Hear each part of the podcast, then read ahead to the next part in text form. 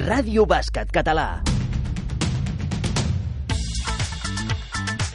L'efemèride. Lluís Puyalto, responsable de l'Arxiu de Bàsquet Català. Avui parlarem de l'aparició del bàsquetbol a Girona.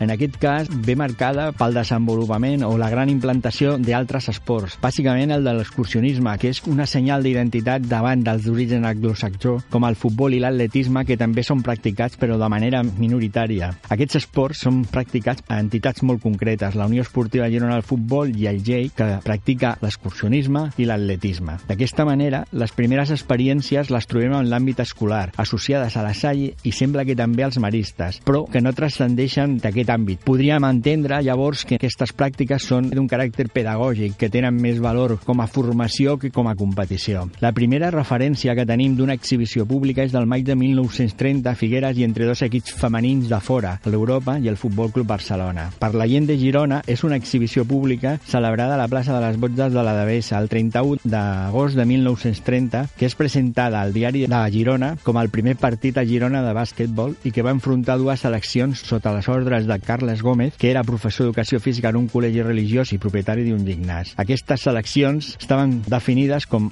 vermells i composada per Salvador, Nadal primer, Carreras, Ros i Pol segon, i els blancs, Pol primer, Nadal segon, Saiz, Encesa i Frigola. La següent notícia que tenim de bàsquet a Girona és la sol·licitud a la Federació Catalana de Bàsquetbol d'incorporació d'una anomenada Societat Esporting Club de Girona. Aquests primers anys continuen els festivals o partits d'exhibició en els marcs de les festes locals, festivals, etc. El 1934 el bàsquet torna a reaparèixer a Girona, just quan el GEC decideix practicar-lo. El seu impulsor fou Joaquim Pagans, que durant la seva residència a Barcelona el va practicar amb diferents equips i quan torna el va introduir dintre de la secció d'atletisme. El GEC va disputar alguns partits contra alguns altres equips, com el llavors anomenat Atletes Units. Aquest últim club també fou el primer en acollir un partit de bàsquet femení que es va disputar a Sal i Girona al febrer i l'abril del 1935. Davant la impossibilitat de donar continuïtat a les seves actuacions per falta de contingència a Girona, el Jake va demanar l'ingrés a la Federació Catalana. Aquesta es va oposar per les mateixes raons, els llargs desplaçaments i els costos dels mateixos.